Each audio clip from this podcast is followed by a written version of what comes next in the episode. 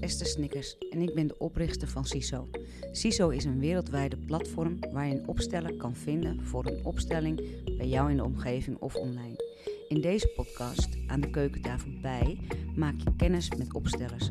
Zij vertellen over hun achtergrond en over het prachtige werk dat zij verrichten.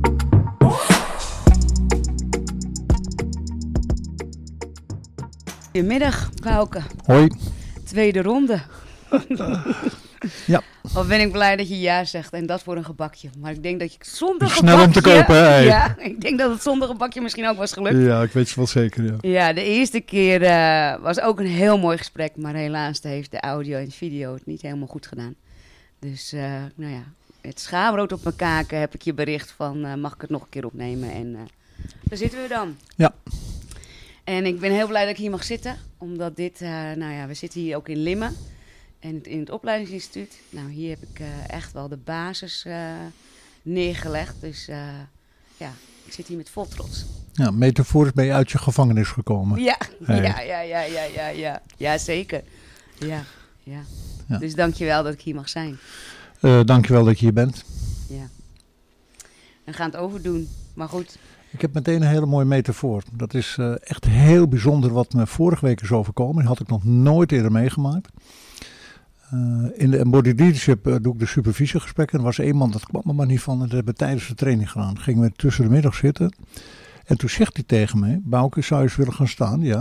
En toen zegt, mag ik je een huk geven? Ja, natuurlijk. En toen geeft hij mij een huk en toen zegt hij, ik wil mezelf bedanken dat ik jou heb toegelaten. Oh, wat mooi. ja. Ik zeg, oké, wat mooi. Toen zegt hij, liet hij me los. Hij zegt, mag ik het nog een keer doen? Want het is voor mij zo belangrijk. En dacht ik, ja, ik kijk daar nu ook even anders naar. Dus eigenlijk moet je jezelf bedanken dat je hebt Ja. toegelaten om het op je af te laten komen. Ja, En dat is voor mij ook een hele grote strijd geweest om het toe te laten. Want ik vond het allemaal maar onzin. Eh, Dus ik, ik, ik, ik vind het zo mooi. Oh ja, ik bedank mezelf ja, dat ik heb toegelaten dat het op mijn pad is gekomen. ja. Ja, Ja. ja dat is een mooi, hè? Ja, dat vond ik zelf ook mooi. Dat was me nog nooit overkomen. Ja. Nou, dat is een mooie metafoor om mee te beginnen. En, wanneer is systemische opstellingen bij je wat, op je pad gekomen? Nou, wij zijn nu eh, pakweg 30 jaar geleden met NLP in contact gekomen via Jorisma. En ik ben heel eerlijk elke keer met ongelooflijk weerstand. Want ik vond het allemaal gedoe en gesuf gedoe zelfs, want ik communiceer goed. En eh, Joris deed toen eh, de opleiding in Amerika en hij deed hier tien dagen. En toen heeft hij Doreen en mij voor uitgenodigd. En we hoefden niet te betalen. Nou, ik denk dat dat voor mij een heel belangrijk criterium is geweest. En ik heb de eerste dag heel veel weerstand gehad en toen werd ik zo enthousiast. En toen zijn wij, omdat het niet zo in Nederland was, op vijf jaar naar Amerika gegaan. Maar heel snel, dat, dat zit toch in mijn systeem, dat ik steeds maar weer wat nieuws wil, wat nieuws wil, wat nieuws wil. Eh, ik ben er nu ook wel achter dat ik ben ook iemand die faciliteert, ook voor mijzelf. En op een gegeven moment wilde ik weer wat anders doen. En toen was in ons traject een van de trainers, Marieke Zoutberg. En die, eh, die zegt, ik ga familieopstellingen doen. Wat is het? Ja, ze zegt, dat weet ik niet. Nou, wil je mee? Of ik heb mezelf uitgenodigd. Ja, nou, toen zijn wij, eh, ik denk dat het nu 22, 21 jaar geleden is, zijn wij eh, toen bij Wiebe Veenbaas. Dat was Mhm. eigenlijk de eerste cursus die hij deed met een Duitse trainer. Hij deed zelf nog niet zoveel erin. En nou, het is mij overkomen, zoals heel veel dingen in mijn Ja. lijf zijn, leven zijn overkomen. En toevallig dat ik vanmiddag in de auto zat, toen dacht, oh ja, toen dacht ik daar nog even aan. Ik heb in een van mijn boeken heb ik een, een, van een onbekende asceet, wat het ook mag betekenen, een uitspraak. Laat hen begaan die denken wijsheid in pacht te hebben en dat naar buiten moeten brengen en daardoor zichzelf te schande zetten dat ze zelf het meest van leren. Ik denk, ja, maar dat gaat over mij. Dat is zo, Ja. en dan ga ik het maar doen. Ik, ik weet helemaal niet wat ik deed, maar ik vond het zo geweldig. Eh, en ik snap nu achteraf, eh, nu ik ook achteraf snap waar ik met NLP ben begonnen, dat is ook gewoon om voor mijzelf beter te leren communiceren. En zo is dat ook met systemisch en traumawerk, gewoon dat ik voor mezelf eh, mij daarin kon helen, wat ik in het begin hier in de gaten had. Mhm. Ja, dus dat is ongeveer 1, 22 jaar geleden. Geweldig. Ja. Een van de mooiste dingen. En ik, doe nu, ik heb nu een aantal podcasts opgenomen, maar zo begint het eigenlijk bij iedereen. Ze komen er eigenlijk via via mee in aanraking. En dan, dan heeft het ze gegrepen, omdat het, ja, ze zijn er eigenlijk zelf beter van geworden. En vervolgens zie je dan ook de stap dat ze het willen verspreiden en uitdragen. Maar, maar wat greep jou aan, aan eh, opstellingen? Wat, wat, Nou, dat kan ik haar fijn uitleggen. ehm, ik gaf net al aan dat uh, ongeveer 30 jaar geleden met NLP begonnen zijn. Het instituut bestaat nu volgens mij iets bijna 28 jaar. En uh, laat ik het heel netjes zeggen, ik dacht dat ik het aardig in de gaten had. met De bewuste en onbewuste processen. Uh, nou, dat zal dan ook wel zo zijn. En de allereerste dag dat ik de opstelling deed, dan deed je een opstelling, waar zet je vader moeder en jezelf neer? En ik schrok me helemaal het rambam, hoe ik dus blijkbaar innerlijk dat neerzette, terwijl ik uiterlijk dacht, het is allemaal prima zoals het hoort. en dat was zo chockerend. en toen merkte ik ook dat, uh, je moet je voorstellen, ik zet mijn vader en moeder naast elkaar en ik zette de representant gewoon met mijn neus tegen die twee mensen aan. En uh, toen werd ik als representant werd teruggetrokken. mijn vader zei, hè. En mijn moeder zegt, ja, maar ik vond het wel plezierig. Nou, dat is nou precies dat ik me daar bewust van werd, wat ik daar de hele tijd had gedaan. Ja. Dus dat was zo chockering. En wat ik toen op dat moment nog niet in de gaten had, maar dat heb ik met mijn hele leven met alle dingen gedaan. De, bovenop en bovenop en bam, bam, bam. Nou, wat heel effectief kan zijn, maar natuurlijk ook heel vaak ben ik gigantisch over grenzen heen gegaan. Enorm. Dus dat, dat heeft me zoveel inzicht gegeven, al die, nou, de eerste opstelling, maar ook daarna. Ja, denk, hè, werkt dit zo? Dat is zo, zo'n stap verder dan als waar je met NLP mee bezig bent. Ja. Ja, is het stap verder, maar ik vind, ik vind NLP namelijk ook heel complementair aan uh, opstellingen, systemen. Nou, ik ben er wat genuanceerder in geworden om het niet te hard naar buiten te brengen. Maar ik heb uh, zowel in binnen- als buitenland heel veel met opstellingen gedaan, workshop, trainingen. En ook heel veel in die periode met oplossingswerk. En toen heb ik heel vaak gedacht, leuk dat jullie zijn. Ik zou persoonlijk je eerst geadviseerd hebben iets met NLP te doen. Want het is een fantastische basis dat je snapt hoe communicatie in elkaar zit. En ik noem het ook een communicatie. Ik noem het een combinatie, ja. Het is ja. enorm complementair, ja. ja. Ja, dat vind ik ook. en wat ik zo krachtig vind, waardoor het zo effectief is, is dat je het, je, je ziet het, je begrijpt het, maar je voelt het ook zo. En ik denk dat, dat die combinatie, dat dat hem zo uh, sterk maakt. Dat je voelt het in je lijf of het klopt, je voelt, en je voelt kwartje vallen. Je kan ja. Ja, ik, uh, ik hoor wat je zegt en uh, dat klopt. En ik zou graag willen ook, terwijl ik al zo lang mee bezig ben, dat voor iedereen dat telt. En ik zie nog dat heel veel mensen het niet binnen kunnen laten komen. Ja. En daarom vind ik het ook zo mooi hè, dat ik al heel lang bezig ben. Bijna tegelijk ben ik ook door Johannes Smit in contact gewoon met traumawerk. Ja.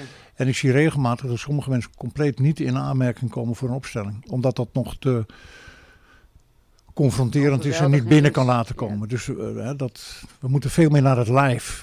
En dat, dat gaat wel steeds beter. Mm.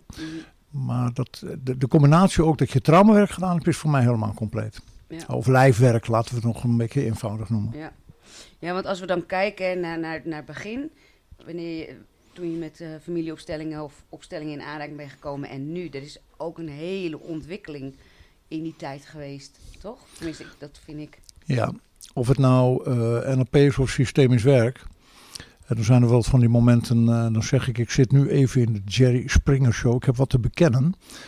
dat ik, uh, als ik dan terugga naar de, mijn carrière, ook als fysiotherapeut daarvoor.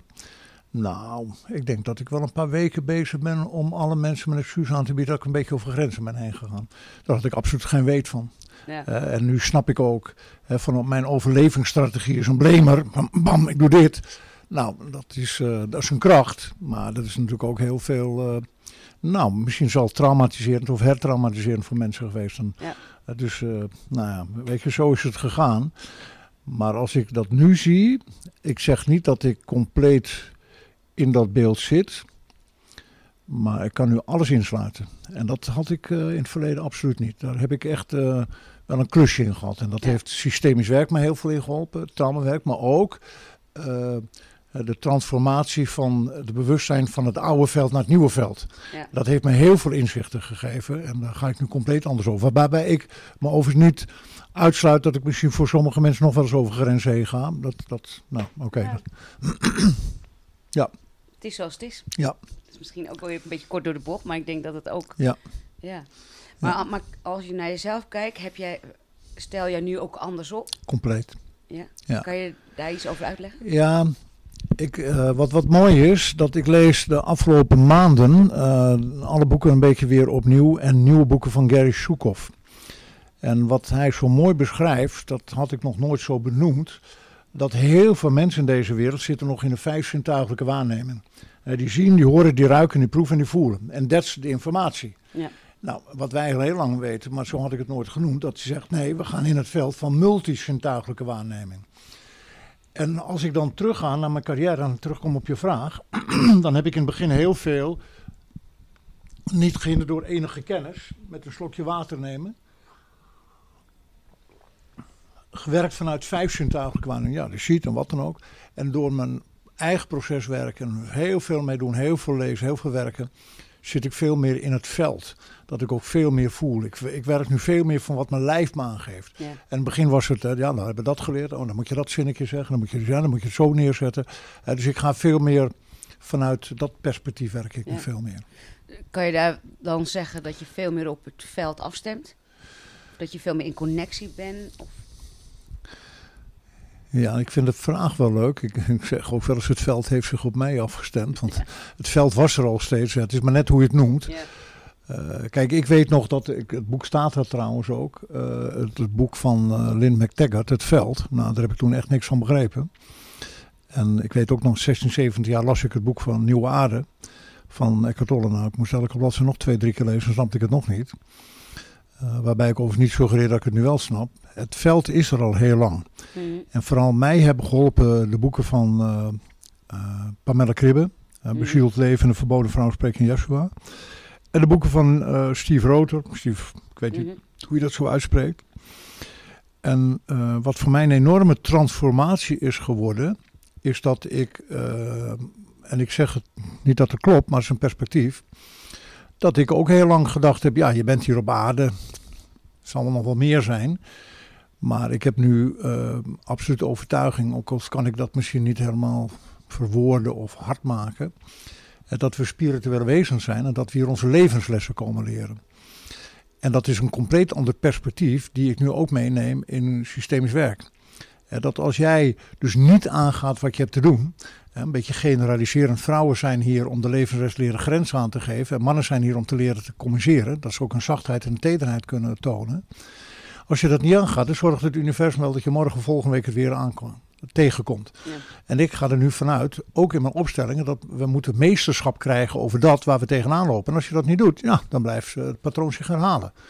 Nou, en als je dan eenmaal meesterschap hebt, dan zorgt het universum wel weer voor de volgende les.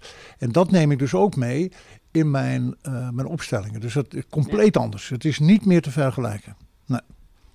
Ja, mooi. Hè? Ja. Vind ik zo mooi hoe dat allemaal ontwikkelt en hoe dat. Uh... Ja, maar het is voor mij hetzelfde. Ook al stel ik minder lang op. Maar ik, ik gebruik veel minder woorden ook. Veel minder. Nou, dat is wel grappig als je dat zegt. Dat doe ik helaas, of niet helaas, dat doe ik nog niet. En dat is ook een keuze. Hè. Ik, ik zeg het ook heel vaak bij opstellingen. Ik praat heel veel. En dat doe ik bewust met de, de filosofie dat we uh, dingen ook moeten gaan begrijpen. Ja. Uh, ik ga helemaal met je mee dat als je echt diep in het opstellingsveld zit en je bent met mensen bezig die er allemaal in zitten, dan is het waarschijnlijk nog beter zonder woorden. Maar ik gebruik heel vaak de metafoor dat, uh, dat ik toen in contact was met Marco van Bastier. Uh, die vertelde ook dat ze daar een fysiotherapeut hadden. Bij het Nederlands elftal. En die mhm. zat dan in de kleedkamer. En die deed iets met die gasten met Ayurvedische kruiden. En met ja en nee vanuit hypnose. Nou, daar haakten mensen compleet op af. En toen ik bij de hockey zat, toen kwam ik daar Henk Kraaienhof tegen. Dat is een beetje een nerd in de atletiek. En toen vertelde ik dat. Ik zeg, ja, eh, je moet in principe beginnen met optellen en aftrekken. En hij was van een worteltrekker. Toen zegt hij, nee, hij was van een differentiaal rekenen. En dat vond ik zo'n mooi metafoor. Ja. En dat zie ik dus ook met opstellingswerk. Eh, voor heel veel mensen is het nog heel rustig optellen en aftrekken. Soms een beetje vermenigvuldigen. Ja.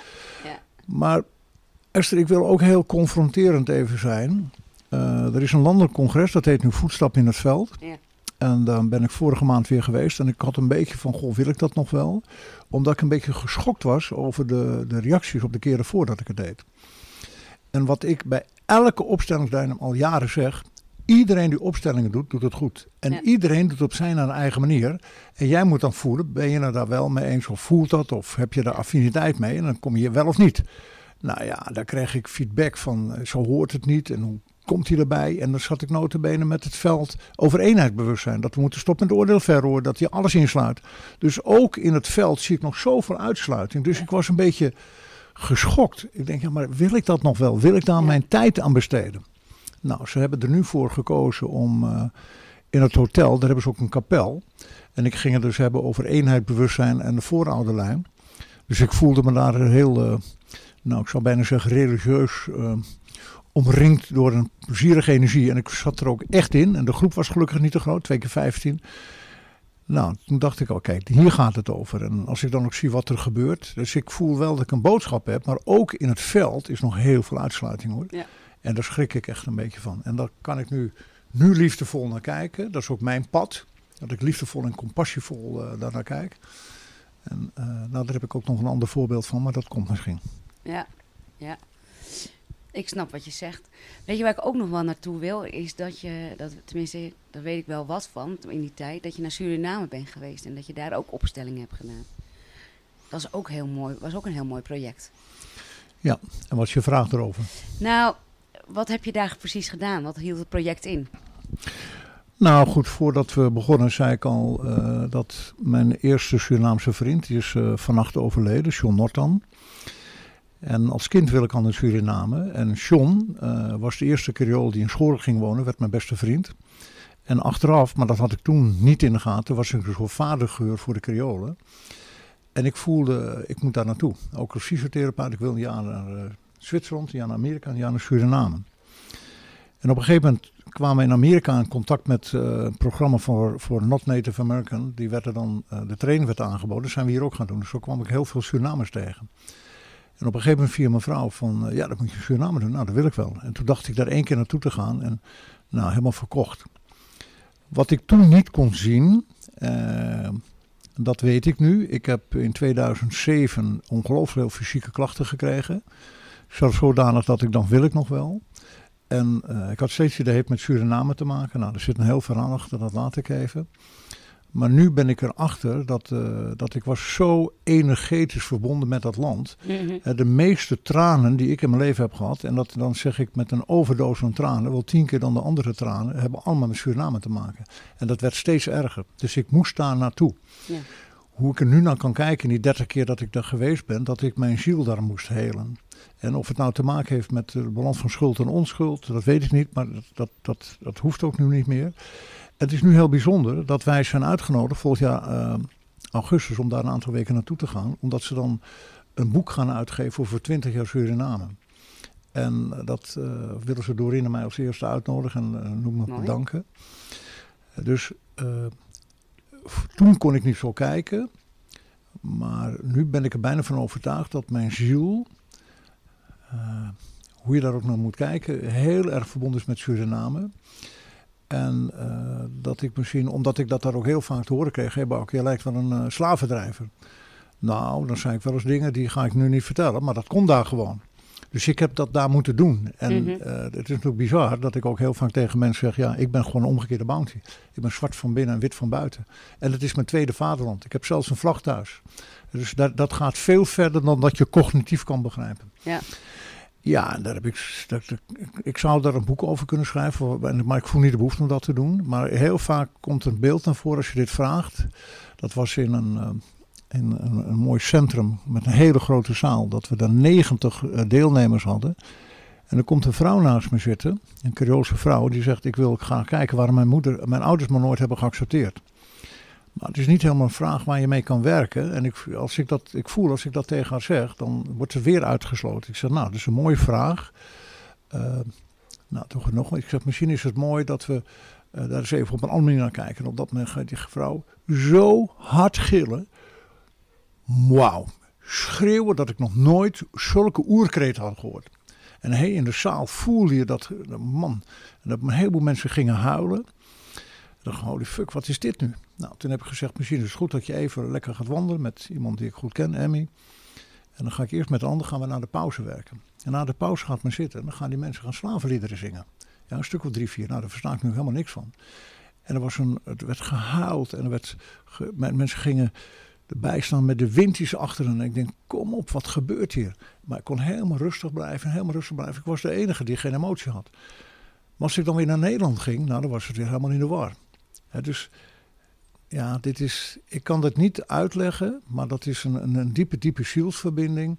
Waar, waar, waardoor, en ik heb dit moeten doen om mezelf te helen. En uh, ik heb zoveel klachten gehad dat ik chemokuren krijg en wil ik nog wel.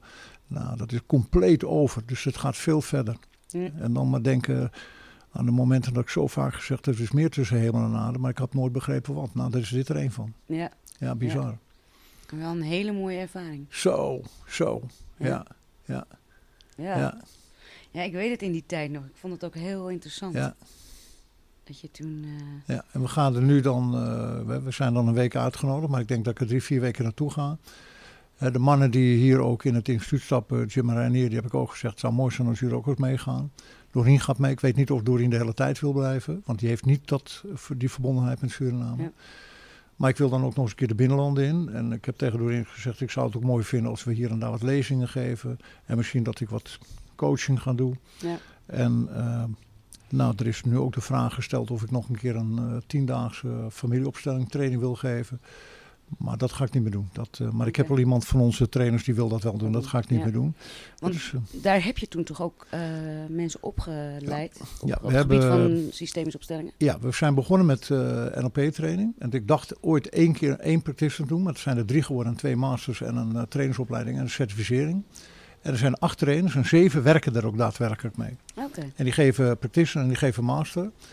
En toen zijn we begonnen met systemisch werk. En toen is uh, Marieke mee geweest. En op een gegeven moment is ook uh, Annemiek mee geweest. En Liedwin is mee geweest. En er zijn nu een aantal die regelmatig ook opstellingen doen. En uh, sowieso individueel, maar ook met groepen. En toen hebben we ook met, met Marian, die is er ook mee geweest, om Ja. oplossicht werk te doen. En nou, dat, dat doen ze op hun eigen manier ook. Toen zijn we ook met jongeren wat bezig geweest.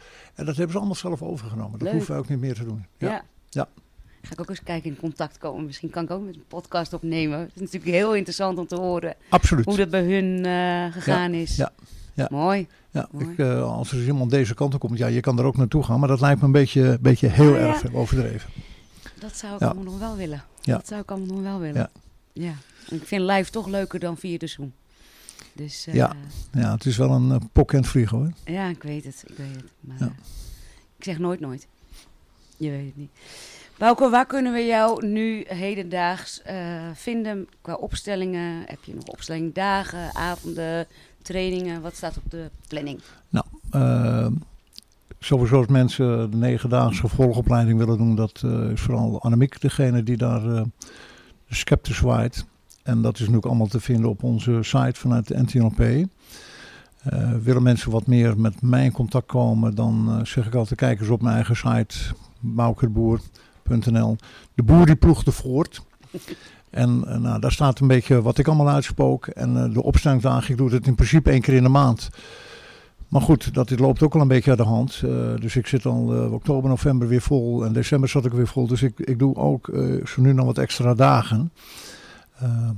nou, dus daar kunnen ze dat een beetje vinden. Ja. Welkom, welkom in Limmen. Ik zeg heel vaak tegenwoordig als ik dingen eh, deel op Facebook en op LinkedIn. Welkom thuis in Limmen.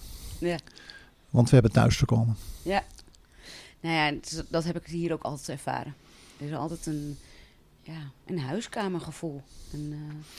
Dus we hebben een uitdaging, ja. omdat we hier, uh, deze ruimte, uh, we moeten hier weg. Mhm. Mm -hmm. Dus we zijn zoekende.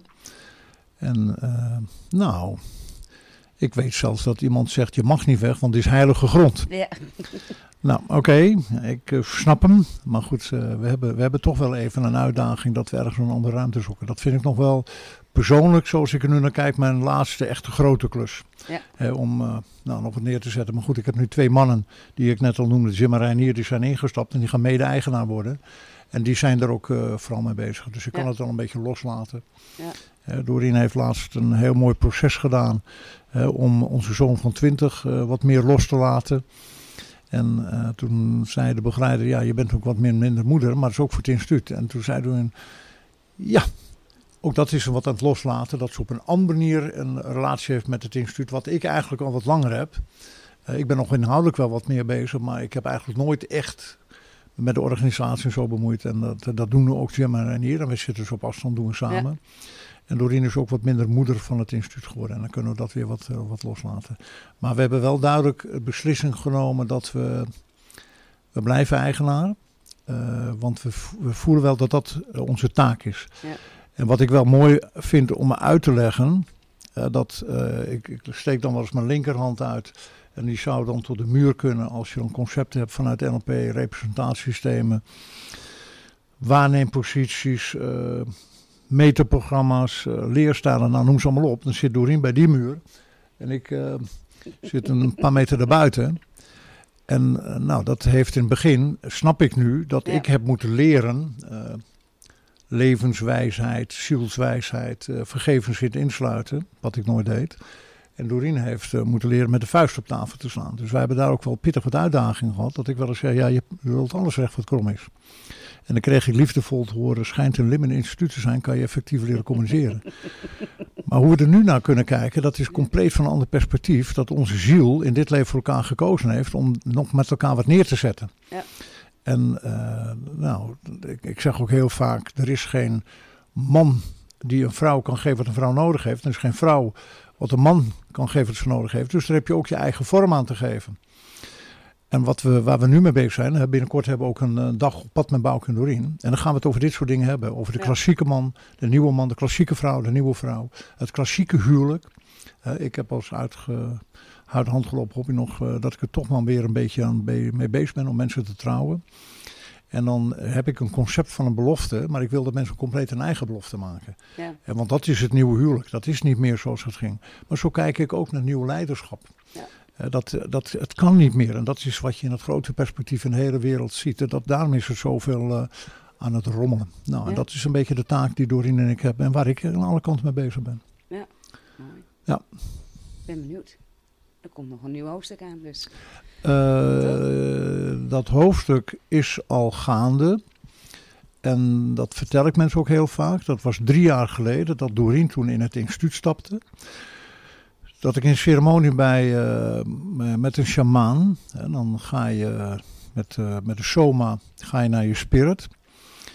En dat ik toen mijn spirit heb gevraagd van... Goh, ga ik consolideren nu Doreen ingestapt is? Of ga ik er nog voor? En toen was ik best wel uh, pittig, ja, verrast ook, maar po, dat gebeurde van alles. dat ik zie nog het beeld dat mijn armen omhoog gaan en ik zag wit licht, maar ik zag, ik noem het maar het vuurwerk van Rotterdam. Bam! Spat alle kanten op en dat mijn spirit zegt, je gaat helemaal niet consolideren, doe je een volgend leven maar. Maar je gaat er nog 25 jaar voor, op je eigen manier, want de wereld heeft je nodig.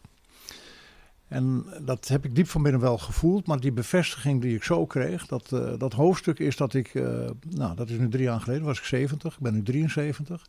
Dat ik, uh, ja, zeg nog maar 25 jaar door, op mijn manier. en ik, ik voel ook dat het goed is dat er nu twee jonge mannen bij komen. Ja. Ik zal wel een mooi verhaaltje vertellen. We hebben laatst een filmpje opgenomen op strand. En eh, dat gaat dus over een dag op pad met Bouke en En toen kreeg ik een reactie van, oeh, ik ben mij heel erg kapot geschrokken. Het was zeer confronterend. Wordt het niet je tijd dat je gaat stoppen? Uh, moet je niet met pensioen? Uh, of moet de geldmolen nog draaien? Of, uh, nou, ik ben een 71-jarige man die prostaatkanker heeft, maar ik ben vitaler dan jij. Nou, dan glimlach ik. Oké, en voorheen zou er dan bij me alles gebeuren. En nu kan ik daar liefdevol naar kijken. En met compassie. En Lorien gaf me het advies: ga die man nou eens bellen. Dus die man heb ik gebeld. En nou, dus uiteindelijk een heel mooi gesprek geworden. Ik denk, ja, die man die schaamde zich ook een beetje dat hij had gedaan. Maar het was wel weer bewijs, uh, wat ik natuurlijk zelf ook wel eens heb, dat je op een gegeven moment, als ik dan hoor, ja, iemand 73, dat je dan met dingen bezig man vertrek. Nou, dat, dat voel ik op een bepaalde laag dat het zo onbewust werkt. Dus daarom is het ook goed dat bij het instituut een paar jonge mannen komen. En die ook gezegd hebben, Buik, je bent wel een jonge god. Maar uh, jij kan niet oneindig door blijven gaan. Dit instituut is zo mooi, dat moet over 10, 20, 30 jaar nog bestaan. En dat is uh, de keuze die we nu met elkaar gemaakt hebben. En dan kan ik mooi mijn ding doen waar ik nu ook mee bezig ben. Als is het maar het gesprek zo met jou. Ja, nou, daar ben ik heel blij mee. Ik ook. Ik heb nog twee vragen, Bouke. Ja. De eerste is van wat voor boek zal je aanraden voor iemand die nog niet bekend is met, met opstellingen of familieopstellingen? Um. Omdat je veel boeken leest. Ja, ja, ja, En- ja, en- ja, ja, ja. Ik, ik, eh, want ik heb al de neiging om te zeggen...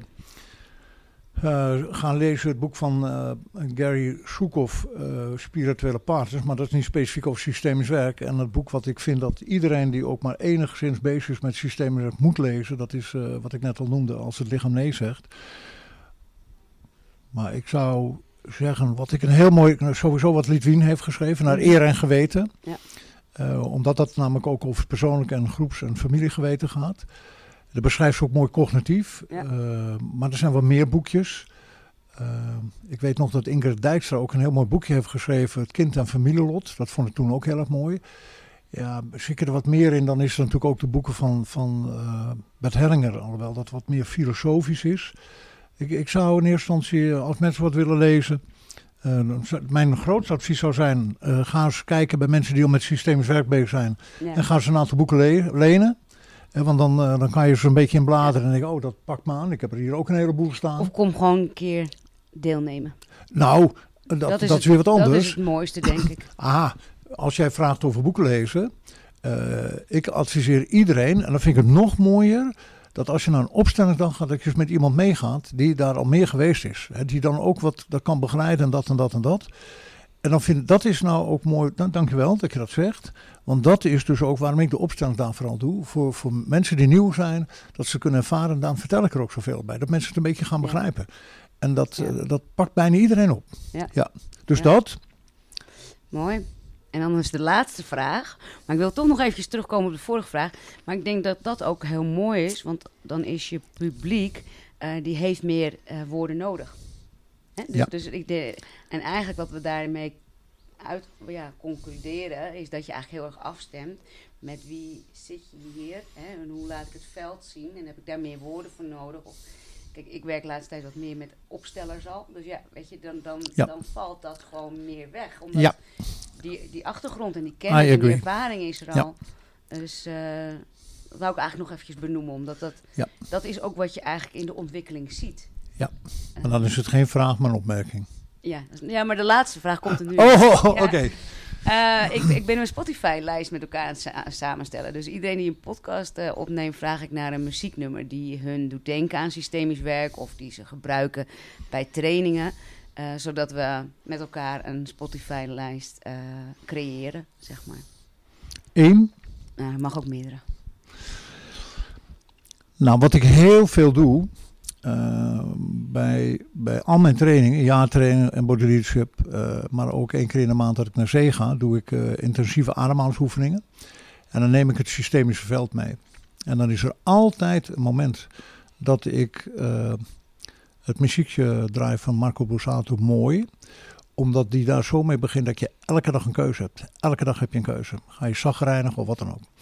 En Jerry Soekhoff die zegt dus zo mooi, je kan lid worden van een honkbalclub, je kan lid worden van een kaartclub en je kan lid worden van een zangclubje. Maar je kan ook lid worden van de mensen die boos zijn of van de mensen die angstig zijn. En dat is een keuze, want je kan ook stoppen met je lidmaatschap. En dus dat vind ik altijd mooi, dat je elke dag een keuze hebt. En dan memoreer ik ook het boek van Edith Eveger, De Keuze. Mhm. Heel mooi boek. Wat ik bijna elke keer ook, eh, dat is van, uit Elisabeth van uh, Pia Douwers. Dat vind ik op zich ook bijzonder, omdat ze bij ons ook, eh, de nodige training heeft gedaan. En mijn leven is voor mij. Ja. Dat mensen nog een keer gaan beseffen, het gaat altijd in eerste instantie ja, met een metafoor. Eerst je eigen kannetje vul, hè, waar Doreen het altijd even heeft. Of eerst je eigen zuurstofmasker. Het gaat altijd in eerste instantie over zelfliefde. Jij bent belangrijk. Ja. Eh, dus die, eh, die laat ik horen. En dan in het grote perspectief laat ik veel van eh, John Legend horen van If You Are Out There. Dat, dat die mensen een oproep van mensen gaan staan. En als ik dan die ademhalingsoefeningen doe, dan zeg ik wel eens letterlijk: als jij voelt dat je nu ook even metaforisch, ook fysiek moet gaan staan, ga dan staan. En als het dan door de ademhalingsoefening wat minder wakkelijk is, doe het visualiserend, want we hebben mensen nodig die bereid zijn om te gaan staan en de waarheid naar buiten brengen om wakker te worden. Dus heb je meteen drie nummers. Ik heb er nog wel een paar, maar hier laat ik het bij. Nou, dat is hartstikke mooi, want de tweede nummer die heb ik al op de lijst staan. Maar Kijk, eh, dat is ook en een favoriet van mij. Die heb ik ook een keer tijdens een opstelling eh, meegemaakt. Nou, dat is zo... Ja. Dat, dat is zo mooi hoe dat kracht bijzet. En dan zie je maar weer, hè, het is ook weer trilling, frequentie. Ik gebruik heel veel eh, muziek erbij. Ja. Het is zo mooi. Ja. Ja. Mooi. Dankjewel voor dit gesprek. En, uh, en ik kijk nog eventjes, maar volgens mij is hij echt opgenomen dit ja, keer. En mag ik nog een kleine wens uitspreken? Ja, tuurlijk. Ik hoop dat hij weer mislukt is. Dan kan je nog een keer komen. Dan heb ik nog een keer lekker gebakken. Ja, ja, ja. Nou, we gaan elkaar zeker af en toe zien. Ah. Dankjewel. Ja, ook dankjewel.